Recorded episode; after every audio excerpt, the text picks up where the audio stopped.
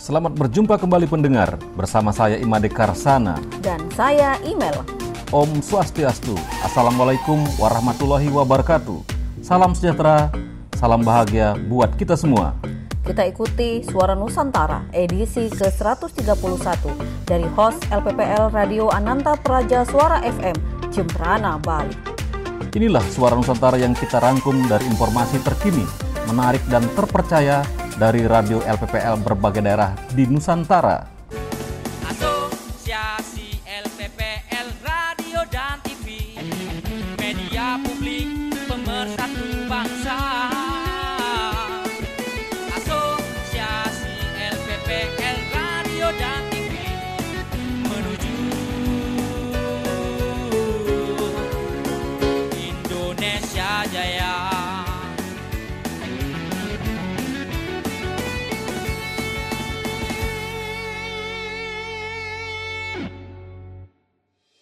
Informasi pertama dari LPPL Radio Ananta Praja Suara FM Jembrana, Bali. Pameran obat tradisional Bali di Jembrana. Pameran obat tradisional Bali dan pelayanan pengobatan tradisional yang bertajuk Sinergitas Petani Tanaman Obat, Pengusaha Obat, dan Pengusada berlangsung selama tiga hari mulai Rabu 24 November 2021 sampai dengan Jumat 26 November 2021 di area parkir Pengkap Jembrana.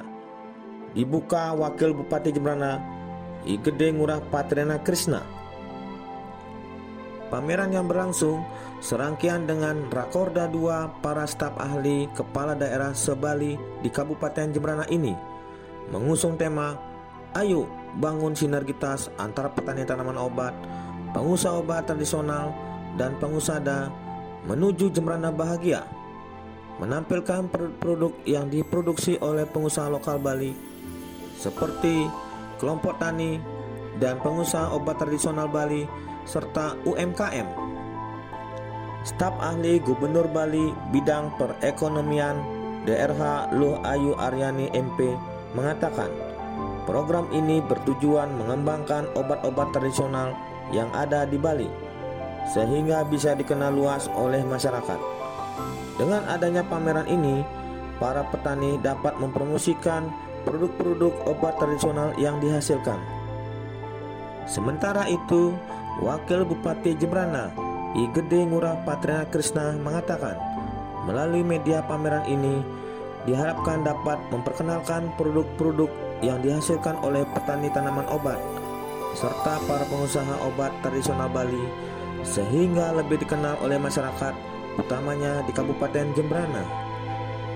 Salah seorang peserta pameran dari Kabupaten Badung, Jero Mangku Usadi, Dr. Iwayan Urip Suwardana menyampaikan terima kasih kepada Pemkap Jembrana yang telah memfasilitasi pameran ini dan berharap melalui pameran obat tradisional ini para pengusaha dapat mewariskan tradisi leluhur Nusantara. Pameran ini diikuti oleh kabupaten kota sebali dengan menampilkan produk-produk yang dihasilkan oleh kelompok tani, pengusaha obat tradisional Bali, dan UMKM. Dari Jembrana, Bali, Agus Aryawan melaporkan untuk Suara Nusantara. Dari Jembrana, Bali kita menuju Muara Enim, Sumatera Selatan. Pemkap Muara Enim raih kategori stand offline terbaik satu dalam festival literasi Sumsel 2021 bersama reporter Andre Taulana.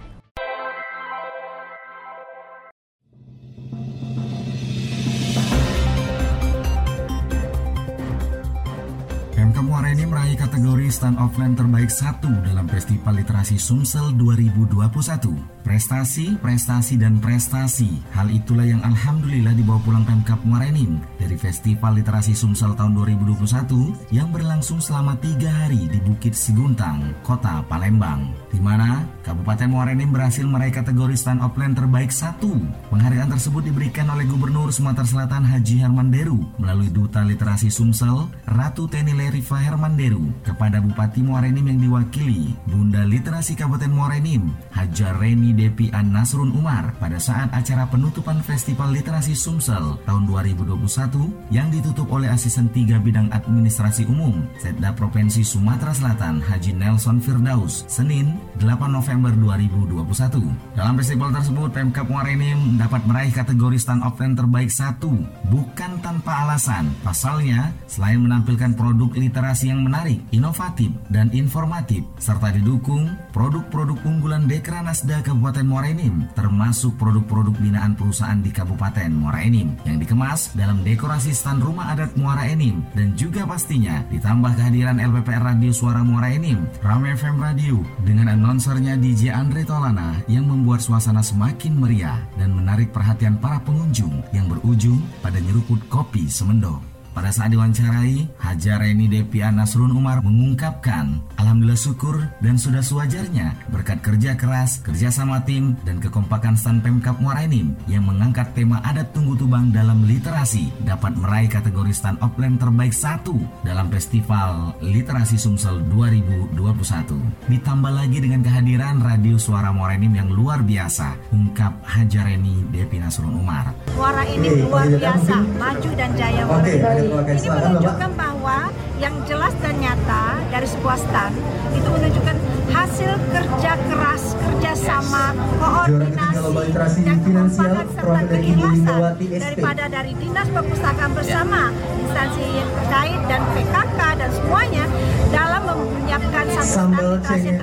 Ia pun menambahkan bahwa prestasi yang diraih saat ini harus dijadikan motivasi ke depan untuk terus meraih prestasi-prestasi yang akan datang. Karena tentunya ke depan persaingan akan prestasi dan kemajuan akan semakin berat. Untuk itu, ayo kita bekerja sama-sama tingkatkan literasi di Kabupaten Muara Enim dan kita baca. Sementara itu, Kepala Dinas Perpustakaan Kabupaten Muara Enim Panca Surya Diharta mengungkapkan bahwa kebersamaanlah yang menjadi kunci dari kesuksesan Pemkap Muara Enim dapat meraih prestasi dalam festival ini. Seperti pepatah mengatakan, kerja keras tidak akan mengkhianati hasil. Hal itulah yang selalu menjadi dasar untuk kita dalam melakukan suatu pekerjaan. Dan selamat untuk semua rekan-rekan Pemkap Muara Enim atas hasil kerja kerasnya. Semoga ke depan kita bisa meraih prestasi-prestasi lainnya yang lebih baik lagi guna menjadikan Kabupaten Muara Enim lebih maju dan berjaya. Andre Tolana, Suara Muara Enim Radio untuk Suara Nusantara.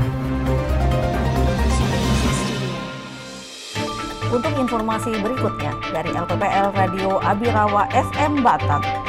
Jadi Bupati Sehari, Theo sampaikan aspirasi anak bersama reporter Heri Kisianto.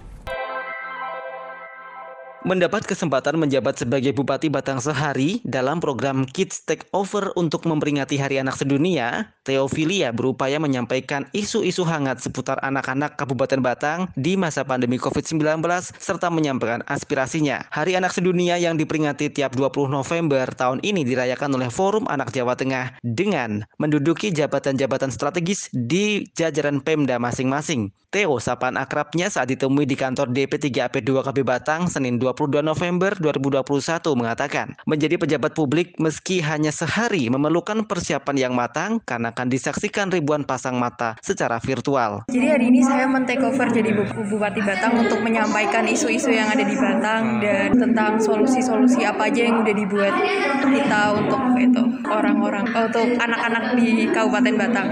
Jadi adanya Take Over ini dibuat agar biar anak-anak sendiri yang langsung berbicara untuk menyampaikan aspirasi. Jadi adanya Kids Take Over ini dibuat agar biar tidak ada filter yang biasa dibuat.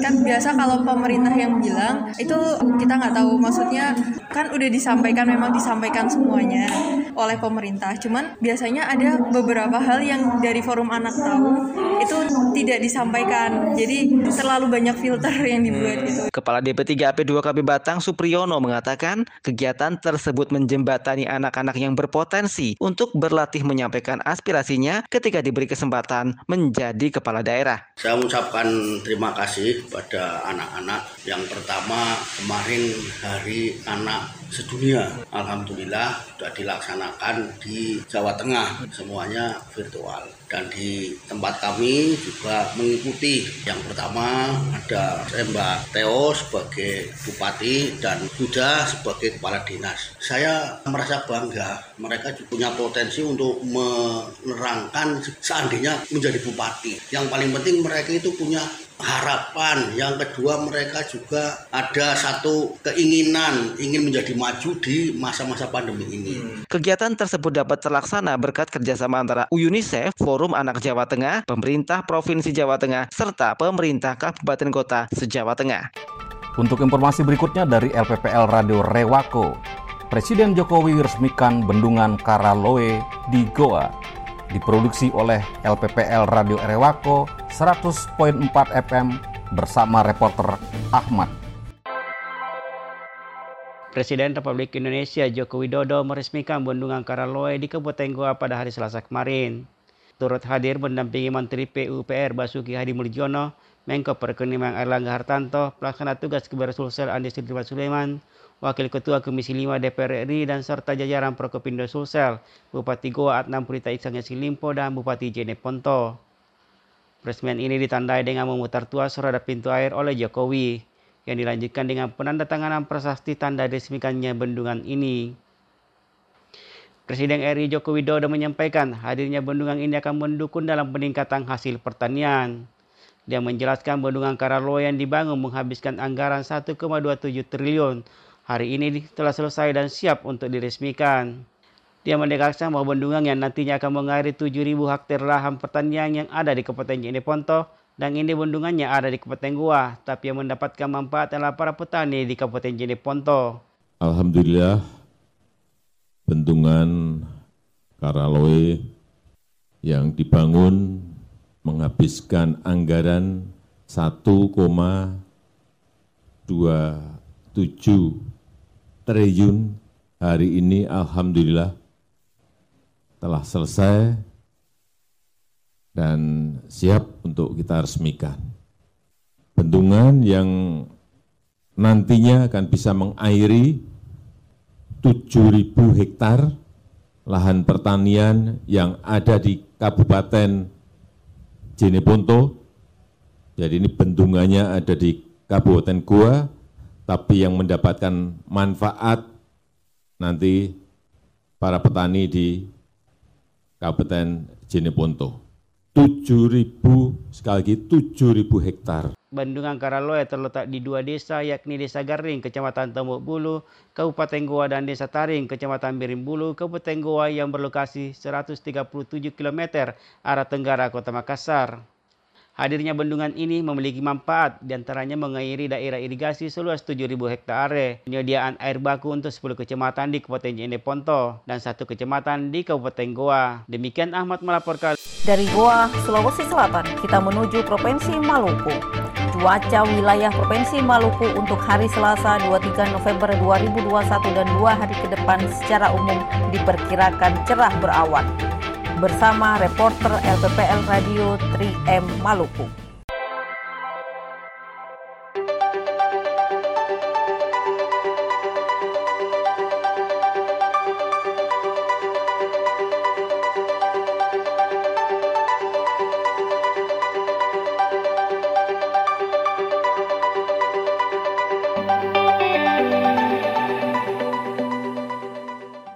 Cuaca wilayah Provinsi Maluku untuk hari ini Selasa 23 November 2021 dan dua hari ke depan secara umum diperkirakan cerah berawan. Hal tersebut disampaikan Warjo selaku perakirawan Stasiun Meteorologi Patimura Ambon kepada Diskominfo Channel di ruang kerjanya.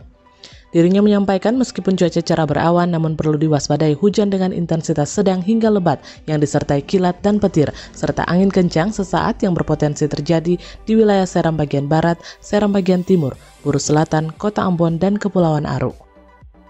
Dirinya menghimbau masyarakat agar tetap waspada terhadap perubahan cuaca secara tiba-tiba dengan tetap melakukan update info cuaca terkini melalui aplikasi info BMKG, media sosial at BMKG Maluku atau dapat menghubungi kantor BMKG terdekat. Hadir lagi bersama saya, Warjo, Prakirawan Stasiun Meteorologi Patimura Ambon. Saya akan mengupdate info cuaca untuk wilayah Maluku pada hari ini hingga dua hari ke depan.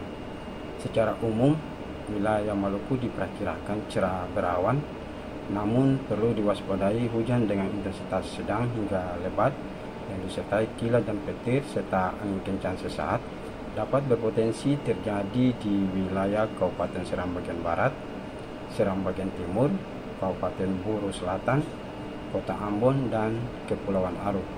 Masyarakat dihimbau untuk tetap waspada terhadap perubahan cuaca secara tiba-tiba dengan tetap mengupdate info cuaca terkini melalui aplikasi Info BMKG, media sosial, at Info BMKG Maluku, atau dapat menghubungi kantor BMKG terdekat.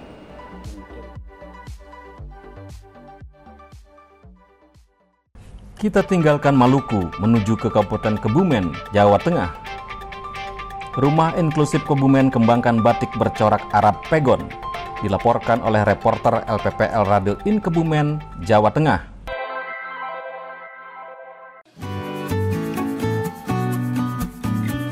Rumah inklusif di Desa Kembaran, Kecamatan Kebumen mengembangkan desain motif batik dengan membuat batik bercorak Arab Pegon atau huruf Arab yang dimodifikasi dengan tulisan dalam bahasa Jawa.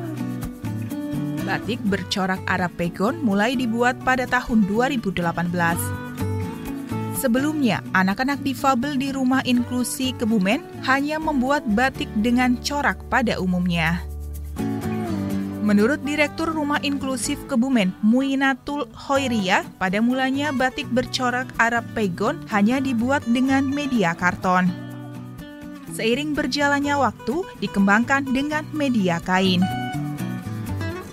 Di rumah inklusif Kebumen, batik bercorak Arab Pegon juga dibuat oleh orang tua yang mempunyai anak difabel.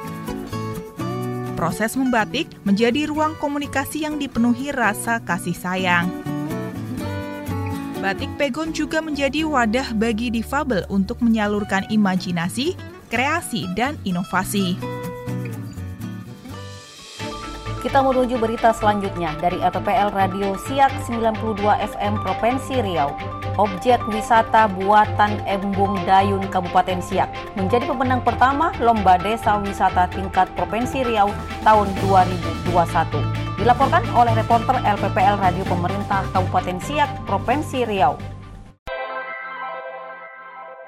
Objek wisata buatan Embung Dayun, Kabupaten Siak, menjadi pemenang pertama Lomba Desa Wisata tingkat Provinsi Riau tahun 2021. Gubernur Riau, Dr. Andes Haji Samsur MSI, hadir pada acara pengumuman dan menyerahkan penganugerahan kepada pemenang.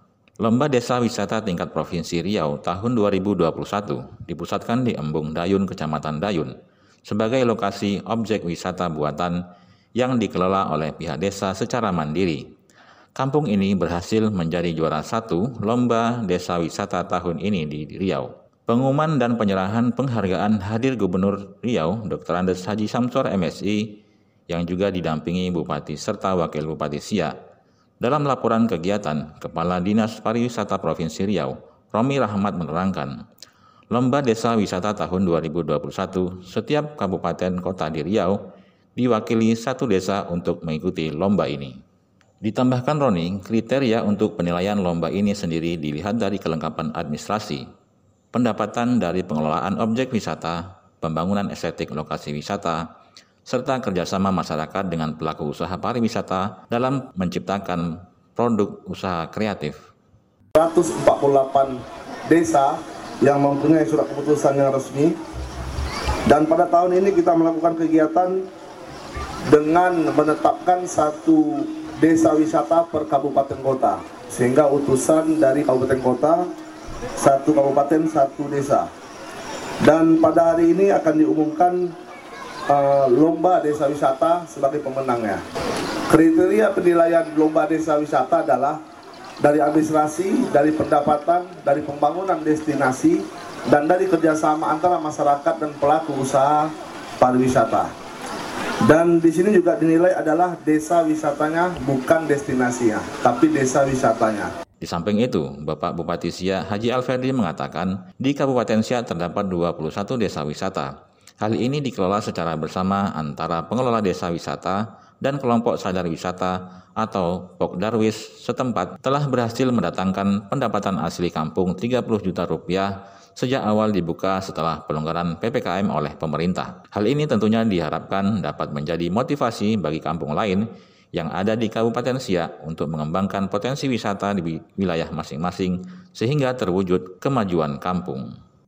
Nah harapannya di masa akan datang ini bisa lebih dikelola dengan baik bersama desa wisata yang lainnya dan Alhamdulillah Pak Gubernur di desa wisata Dayun ini ya kemarin tadi dilaporkan oleh Pak Pengulu ini sudah bisa menghasilkan antara 25 juta sampai 30 juta satu bulan. Ya ini sumber PAD juga bagi desa dan juga bagi Pok Darwis ini bagi dua ya 50-50 antara Pok Darwis dengan desa. Mudah-mudahan ini akan mendorong Desa Dayun menjadi desa yang mandiri di masa datang. Kampung Dayun keluar sebagai juara satu lomba desa wisata tingkat Provinsi Riau tahun 2021, diikuti Desa Meskom Kabupaten Bengkalis juara kedua dan Desa Rantau Langsat Kabupaten Indragiri Hulu juara ketiga. Penyerahan hadiah untuk pemenangnya, lomba ini dilakukan langsung oleh Gubernur Riau Dr. Haji Samsuar kepada penghulu Kampung Dayun Nasya Nukrik. Gubernur Samsuar juga menyerahkan sertifikat halal LPP POM MUI kepada tiga pelaku usaha UMKM Kabupaten Sia. Gubernur Riau berharap dari 1.500 desa yang ada di Riau lebih termotivasi menciptakan desa wisata di wilayahnya masing-masing. Dari LPPL Radio Pemerintah Kabupaten Sia, Provinsi Riau mengabarkan untuk Suara Nusantara.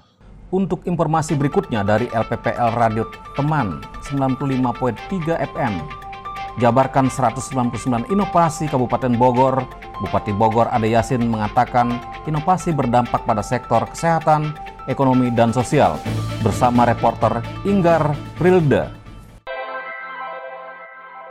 Bupati Bogor Ade Yasin menjabarkan 199 inovasi daerah yang dimiliki pemerintah Kabupaten Bogor di hadapan tim penilai Lomba Innovate Government Awards tahun 2021 di ruang sidang RSU Gedung A Kementerian Dalam Negeri. Bupati Bogor Ade Yasin menuturkan 199 inovasi tersebut dalam rangka menjawab tantangan di masa pandemi dan telah berdampak pada perubahan indikator makro pada sektor kesehatan, ekonomi, dan sosial. Sampai dengan tahun 2020, Kabupaten Bogor memiliki 199 inovasi yang diharapkan dapat menjawab tantangan di masa pandemi COVID-19 yang terdiri dari 128 inovasi kesesuaian COVID-19 dan 71 inovasi non-COVID-19.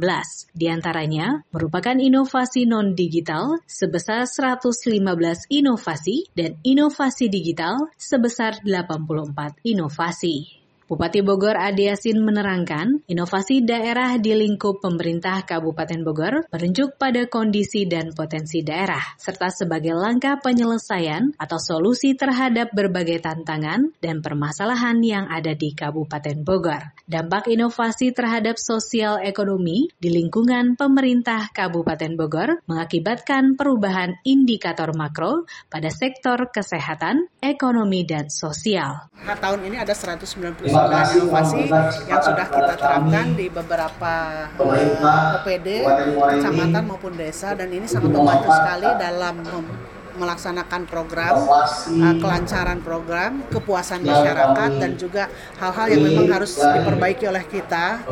Ini ada dalam inovasi-inovasi tersebut sehingga uh, pemerintah tanpa inovasi rasanya sulit ya kita menyesuaikan dengan kondisi yang ada.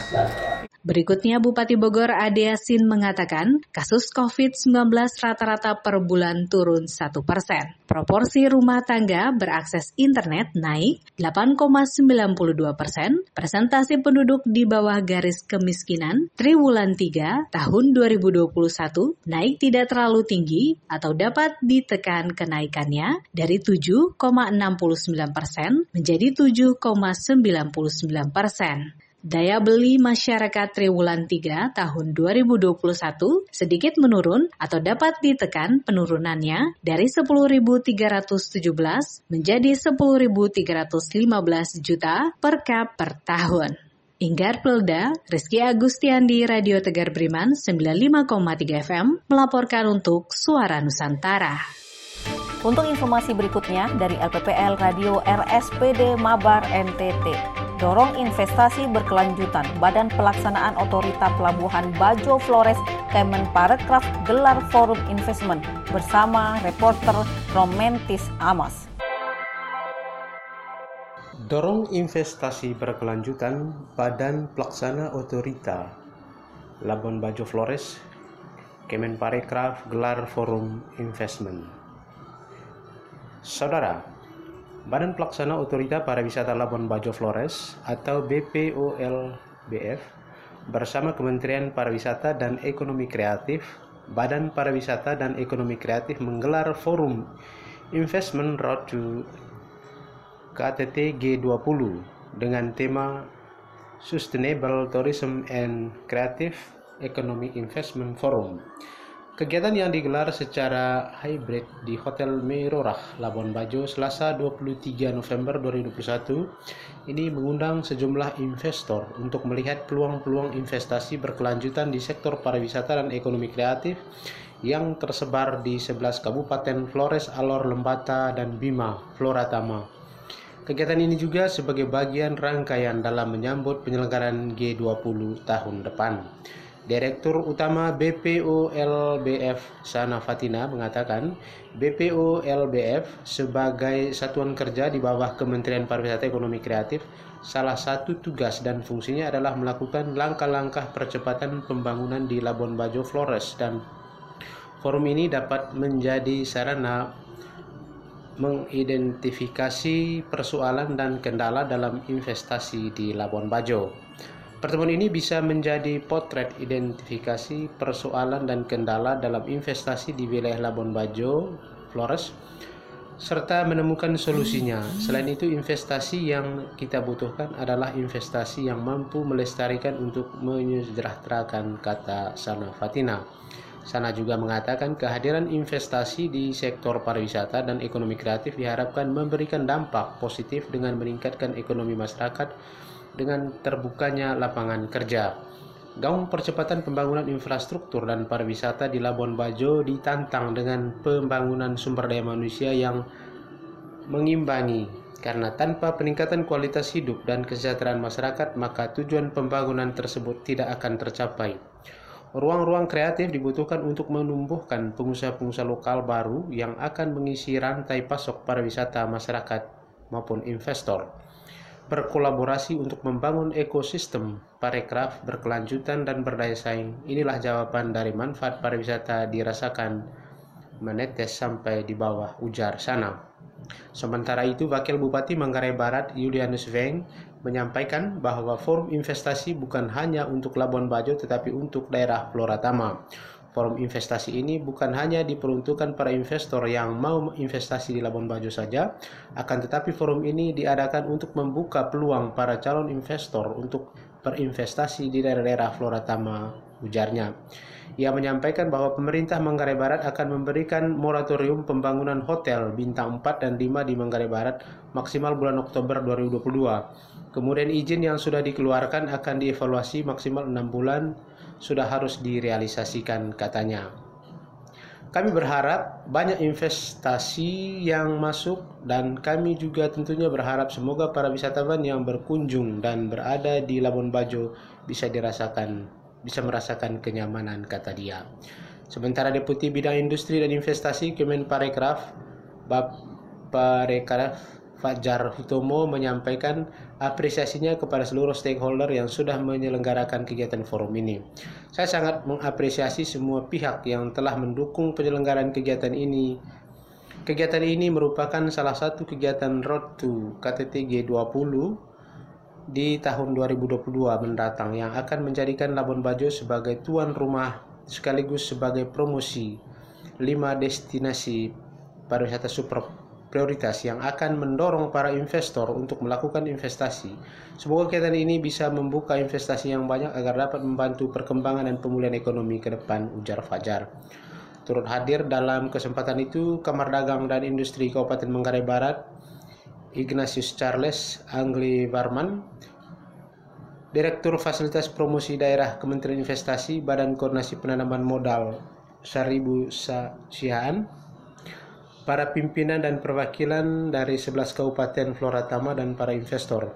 Hadir pula secara online Deputi Koordinasi Pariwisata dan Ekonomi Kreatif Kementerian Koordinator Maritim dan Investasi Odo Manuhutu, Kepala Perwakilan Bank Indonesia Provinsi Nusa Tenggara Timur Inyoman Aryawan Atmaja dan tenaga fungsional peneliti ahli Madia Badan Kebijakan Fiskal Joko Trihandono.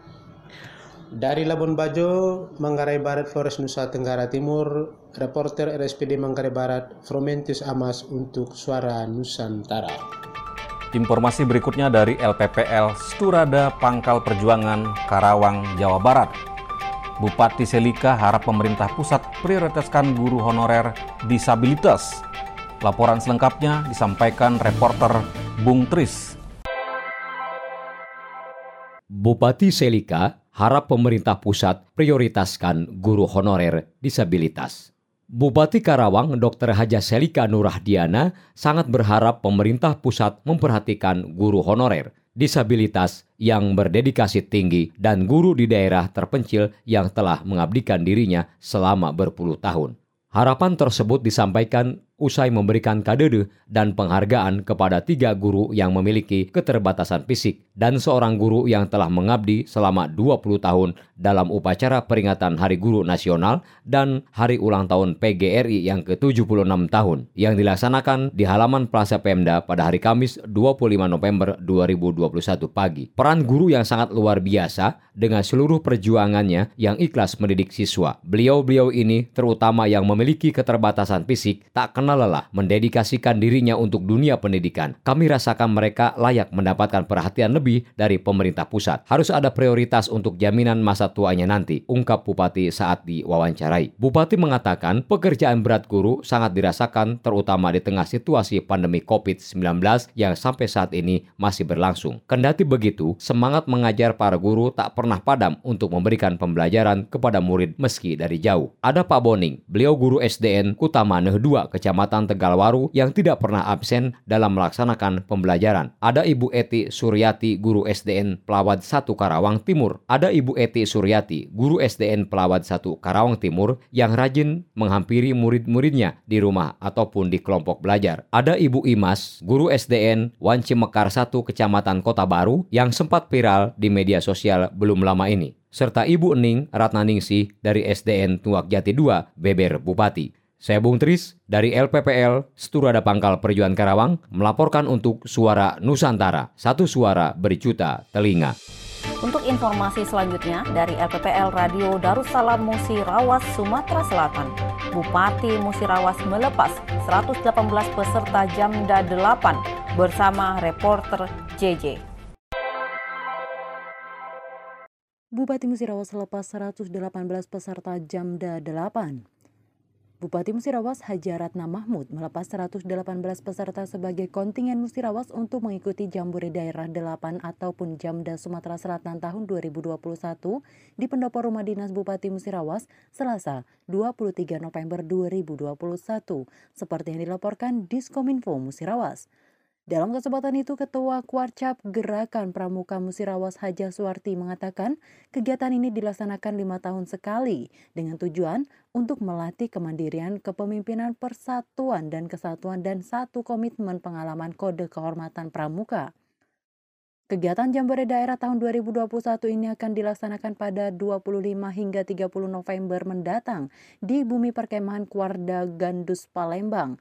Kontingen Musirawas sebanyak 118 orang yang terdiri dari penggalang, pimpinan kontingen, pembina, staf dan juga tim kesehatan. Bupati Musirawas Haja Ratna Mahmud sekaligus Ketua Wabicap Gerakan Pramuka Musirawas mengucapkan selamat kepada kontingen Musirawas yang akan mengikuti Jambore Daerah 8 Sumatera Selatan. Bupati berpesan kepada seluruh kontingen agar mengikuti kegiatan dengan semangat, tanggung jawab, dan menjunjung sportivitas untuk mewujudkan Musirawas mantap, maju, mandiri, bermartabat, serta tetap menjaga prokes di saat mengikuti kegiatan hingga kembali ke Kabupaten Musirawas. Cici, Radio Darussalam melaporkan. Informasi berikutnya dari LPPL Radio Citra Lestari Sukabumi. Bupati Sukabumi target capaian vaksinasi 70% harus terpenuhi bersama reporter Aksa Perdana.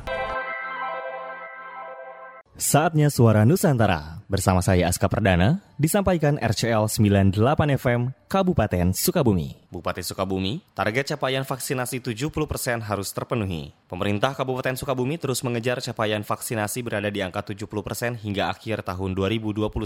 Oleh karena itu, berbagai upaya telah dilakukan agar semua target tersebut dapat tercapai. Bupati Sukabumi Haji Marwan Hamami mengatakan target 70% capaian vaksin harus terpenuhi. Hal ini demi terciptanya herd immunity di Kabupaten Sukabumi. Hal tersebut dikatakannya saat rapat koordinasi lintas sektor terkait program pencegahan dan pengendalian COVID-19 tingkat Kabupaten Sukabumi di Hotel Pangrango, Kamis 25 November 2021. Dalam rakor tersebut dilakukan penguatan dan sinkronasi di setiap perangkat daerah untuk mempercepat capaian dengan konsolidasi persoalan yang ada di lapangan. Sejumlah hal yang akan dilakukan untuk mengejar capaian vaksinasi ialah mobilisasi masyarakat masyarakat, terutama di daerah yang jauh. Selain itu, dokter masuk kampung akan semakin diintensifkan, terutama dalam menjaga daerah-daerah yang aksesnya terbatas. Tak hanya itu, nantinya puskesmas bisa diberlakukan 24 jam, termasuk bekerja sama dengan klinik yang buka 24 jam untuk mengantisipasi ketika capaian vaksinasi masih kurang. Berkaitan vaksin itu sendiri, menurutnya sudah cukup banyak sehingga mampu untuk mempercepat capaian. Kepala Dinas Kesehatan Kabupaten Sukabumi, Haji Harun Al-Rashid mengatakan target vaksinasi yang akan dilakukan ialah bulan vaksinasi, di mana selama satu bulan akan dikejar vaksinasi di sejumlah daerah. Sebab, secara penanggulangan COVID-19 di Kabupaten Sukabumi sudah cukup baik, sehingga fokusnya tinggal vaksinasi.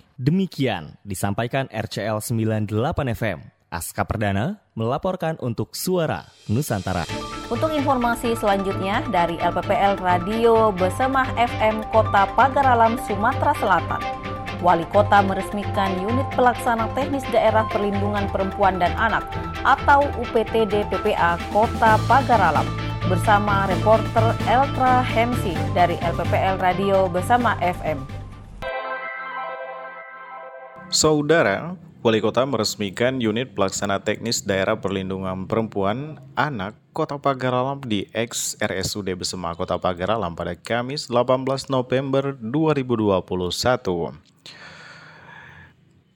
Saudara mengamati peraturan Menteri Pemberdayaan Perempuan dan Perlindungan Anak nomor 4 tahun 2018 tentang pedoman pembentukan unit pelaksana teknis daerah perlindungan perempuan dan anak pemerintah Kota Pagar Alam telah mengakomodir hal tersebut melalui peraturan Wali Kota nomor 46 tentang unit pelaksana teknis daerah perlindungan perempuan dan anak pada Dinas Pengendalian Penduduk keluarga berencana, pemberdayaan perempuan, dan perlindungan anak Kota Pagar Alam. Hal ini tentunya dilatar belakangi bahwa perempuan dan anak adalah objek yang paling rentan terhadap kekerasan sehingga perlindungan bagi perempuan dan anak dirasa sangat penting untuk menjadi perhatian bersama. Alpian pada sambutannya mengatakan untuk mewadahi hal tersebut sangat perlu memiliki unit pelaksana teknis daerah perlindungan perempuan dan anak Kota Pagar Alam yang dapat menjadi wahana operasional pemberdayaan perempuan dan anak dalam mewujudkan kesetaraan dan keadilan gender yang dikelola oleh masyarakat dengan pemerintah melalui pelayanan fisik, informasi, rujukan, konsultasi, dan diskriminasi perlindungan khusus serta berbagai permasalahan lainnya. Lanjut Alpian, sehingga unit pelaksana teknis daerah perlindungan perempuan dan anak kota Pagar Alam dapat melaksanakan tugasnya sebagai penyelenggara fungsi layanan pengaduan masyarakat, penjangkauan korban, pengelolaan kasus penampungan sementara, mediasi, dan pendampingan korban. Dari Kota Pagar Alam, Sumatera Selatan, reporter Eltra Hensi dari LPPL Radio Besema FM melaporkan untuk Suara Nusantara. Informasi berikutnya dari LPPL Radio Kandaga 100.8 FM Kabupaten Bandung. Raih penghargaan Kepala Daerah Peduli Penyiaran KPD Jawa Barat Bupati Bandung mendukung penerapan digitalisasi bersama reporter Rizka Alia. Raih penghargaan Kepala Daerah Peduli Penyiaran KPID Jawa Barat. Bupati Bandung dukung penerapan digitalisasi. Bersama saya, Rizka Alia, dari LPPL Radio Kandaga, 100,8 FM. Anugerah Penyiaran ke-14 Komisi Penyiaran Indonesia Daerah Jawa Barat tahun 2021 menempatkan Bupati Bandung Dadang Supriyatna sebagai Kepala Daerah Peduli Penyiaran. Penyiaran ini merupakan wujud penghargaan terhadap lembaga penyiaran yang selama ini diawasi oleh KPID Jawa Barat dalam menjalankan fungsinya, yaitu mewujudkan penyiaran yang sehat, informatif, dan inspiratif. Selain itu, penghargaan ini sebagai motivasi untuk mendorong lembaga penyiaran menghasilkan program-program siaran unggulan. Bertemakan Jabar Ngabret Digital, diharapkan dapat mendorong Jawa Barat siap menghadapi perubahan sistem penyiaran terestrial dari analog ke digital yang secara bertahap sudah dimulai di sejumlah daerah. Pada anugerah penyiaran kali ini, KPID Jawa Barat memberikan penghargaan kepada lembaga penyiaran terbaik dalam lima kategori, di antaranya berita, hiburan, dokumenter, iklan layanan masyarakat bertema COVID-19, serta kategori penyiar terfavorit yang digelar di GBS Soreang. Dengan diraihnya penghargaan ini, disepakati bahwa Kabupaten Bandung harus bergeser ke digitalisasi. Kabupaten Bandung juga memiliki radio yang akan dioptimalkan sebagai sarana informasi dan edukasi kepada masyarakat yang pada akhirnya masyarakat paham tentang program-program pemerintah ungkap Bupati Bandung seusai menerima penghargaan. Untuk informasi selanjutnya dari LPPL Radio Suara Rakyat Hulondalo, Provinsi Gorontalo, Gubernur Gorontalo Rusli Habibi menjadi narasumber televisi Republik Indonesia dalam acara Indonesia Bicara bersama tim liputan LPPL Radio Suara RH. Gubernur Gorontalo Rusli Habibi menjadi narasumber televisi Republik Indonesia TVRI dalam acara Indonesia Bicara yang ditayangkan secara nasional Kamis 25 November 2021 bertempat di studio LPP TVRI Pusat. Sebelum itu Gubernur Rusli berbincang santai dengan Direktur Utama TVRI, Iman Brotoseno, di mana dirinya mengatakan kehadiran TVRI khususnya di Gorontalo masih sangat dirasakan karena masih banyak masyarakat Gorontalo yang memilih menonton program berita di TV nasional. Hal ini tentunya sangat diharapkan agar TVRI terus ada sepanjang sejarah dan terus menjadi penyambung lidah pemerintah untuk masyarakat serta netral tanpa intervensi status dan politik. Sangat familiar sekali kita di Gorontalo dengan TVRI. Jadi kalau memang dikembangkan sesuai dengan perkembangan zaman harus Adil. Saya setuju, sangat. Tetapi independensi daripada TVRI sangat diharapkan. Agar tidak seperti beliau katakan tadi, berapa TV nasional dan swasta itu pasti ada pesan-pesan sponsor. Dan itu yang membuat kita terkotak-kotak Selain untuk menjadi narasumber, kedatangan gubernur di TVRI juga untuk mengundang langsung Direktur Imam Brotoseno untuk berkunjung ke Gorontalo dalam rangka menandatangani MOU tanah milik Pemprov Gorontalo yang dihibahkan untuk bangunan TVRI Gorontalo yang baru. Gubernur Rusli hadir ditemani Kepala Stasiun TVRI Gorontalo, Stella Purukan, dan Kepala Dinas Kominfotik Provinsi Gorontalo, Masran Rauf.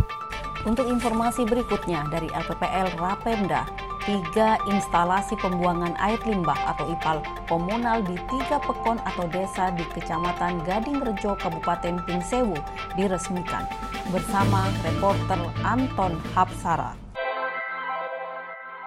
Tiga instalasi pembuangan air limbah IPAL komunal di tiga pekon atau desa di Kecamatan Gading Rejo, Kabupaten Pringsewu diresmikan sekaligus diserah terimakan dari Balai Prasarana Permukiman Wilayah Kementerian PUPR kepada pemerintah Kabupaten Pringsewu. Ketika IPAL komunal yang selesai pembangunannya melalui dana APBN 2021 dari kegiatan sanitasi berbasis masyarakat Sanimas reguler ini, masing-masing berada di Pekon Yogyakarta Selatan, Tulung Agung, dan Parirejo. Bupati Pringsewu Sujadi pada acara penandatanganan berita acara serah terima sekaligus peresmian yang ditandai dengan prosesi penguntingan pita di lokasi IPAL Komunal Yogyakarta Selatan Kamis lalu berharap fasilitas tersebut dapat mengurangi permasalahan sanitasi di Kabupaten Pringsewu serta dapat meningkatkan derajat kesehatan masyarakat. Oleh karena itu, dibutuhkan peran aktif masyarakat untuk keberlanjutan program tersebut, baik masyarakat penerima maupun KPP dalam pengoperasian dan pemeliharaan infrastruktur yang telah dibangun di samping diperlukan kreativitas dan inovasi masyarakat itu sendiri demi tercapainya desa yang mandiri. Sementara itu, Kepala Balai Prasarana Permukiman Wilayah Provinsi Lampung, Insinyur Maria Duni Isa mengatakan, angka kelayakan sanitasi di Kabupaten Pringsewu saat ini berada di angka 82,06 persen. Hal ini sudah sesuai dengan target nasional dan bahkan lebih tinggi di atas angka provinsi. Terkait IPAL komunal tersebut, diungkapkan Kabupaten Pringsewu pada APBN 2021 mendapat tiga lokasi dalam bentuk bantuan langsung masyarakat yang turun langsung melalui rekening kelompok swadaya masyarakat, di mana masing-masing pekon memperoleh anggaran 500 juta rupiah. Untuk IPAL komunal Yogyakarta Selatan terdiri dari 70 sambungan rumah melayani 243 jiwa. Kemudian Parirejo 71 sambungan melayani 245 jiwa. Serta Tulung Agung 70 sambungan melayani 256 jiwa. Maria berharap fasilitas tersebut dapat berfungsi dengan baik serta pengelolaan program dapat terus terjaga. Sementara itu, mewakili pemerintah tiga pekon dan masyarakat, Kepala Pekon Yogyakarta Selatan Mursidi menyampaikan ucapan terima kasih kepada pemerintah melalui Kementerian PUPR dan Pemkap Pringsewu atas dibangunnya fasilitas IPAL komunal tersebut. Namun demikian, ia juga berharap bantuan serupa juga diberikan kepada pekon-pekon lainnya. Kegiatan serah terima sekaligus peresmian IPAL komunal tersebut dihadiri asisten perekonomian dan pembangunan Sedaka Pringsewu Maskur Hasan, Kadis PUPR Imam Esra Harjo, Camat Gading Rejo Joko Hermanto, Kasatker Sukron Fikri, para kepala pekon, serta warga yang menghibahkan tanah untuk lokasi IPAL komunal. Anton Hapsara, LPPL Pringsewu Lampung, untuk Suara Nusantara. Informasi berikutnya dari LPPL Radio Lansek Manih, Sijunjung, Sumatera Barat. Ditandai peletakan batu oleh Bupati Sijunjung, gedung BLK komunitas resmi dibangun di Lubuk Tarok bersama reporter Romi Yeni. Ditandai peletakan batu oleh Bupati Sijunjung, gedung BLK komunitas resmi dibangun di Lubuk Tarok. Bupati Sijunjung Beni Dwi Fayuswir meresmikan pengerjaan bangunan Balai Latihan Kerja Komunitas atau BLKK Pondok Pesantren Darul Falah, Kecamatan Lubuk Tarok, Kabupaten Sejunjung, Sumatera Barat pada Senin 22 November lalu.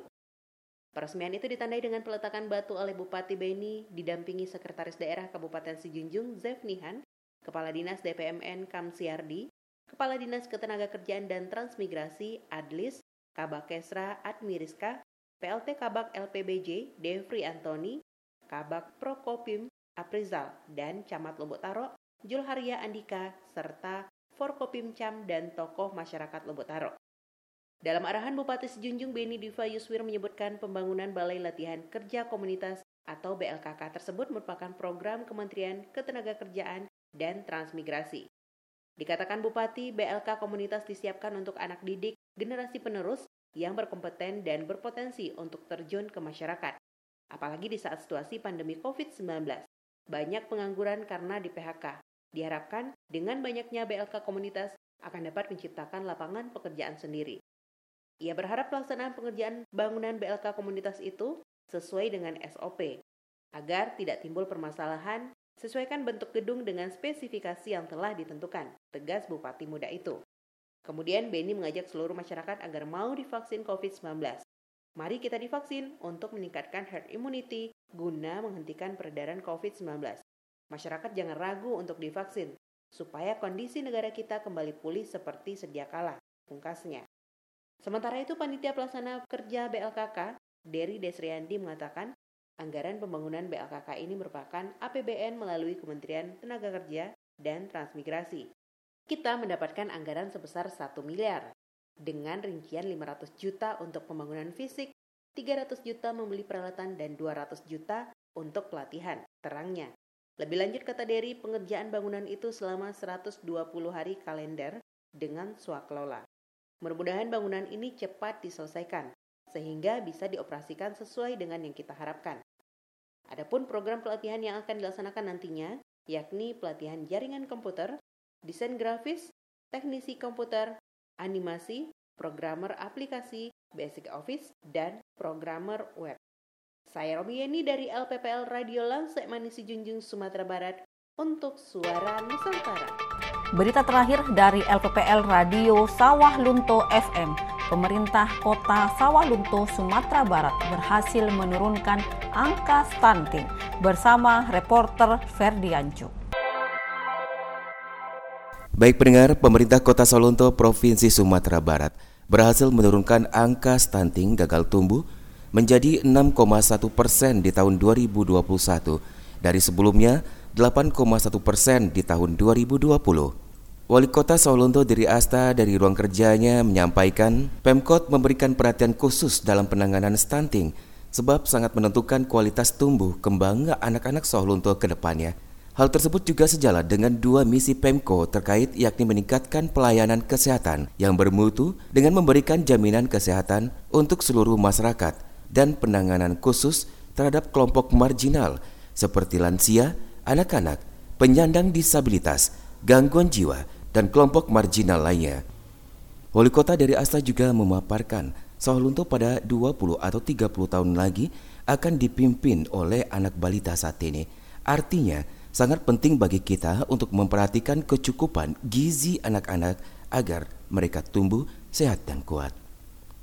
Sementara itu pendengar Kepala Dinas Kesehatan Pengendalian Penduduk dan Keluarga Berencana Kota Sahalunto, Yasril menjelaskan angka stunting Kota Sahalunto sudah turun dengan signifikan jika dibandingkan dengan angka stunting nasional yakni 27,30 persen, di mana target nasional dalam menurunkan angka stunting sampai 14 persen di tahun 2024. Sementara kota Solonto di tahun 2021 ini sudah berhasil menurunkan 6,1 persen. Artinya, pemerintah kota Solonto telah berhasil mendukung program pemerintah pusat sesuai arahan Presiden. Yasir menambahkan, angka stunting tersebut berhasil diturunkan salah satunya dengan sinergi bersama puskesmas dan pemangku kebijakan atau stakeholder serta jajaran pemerintahan terdepan yakni desa dan kelurahan. Ferdiancu LPP Lokal Radio Solo FM Kota Sawah Lunto Sumatera Barat untuk Suara Nusantara.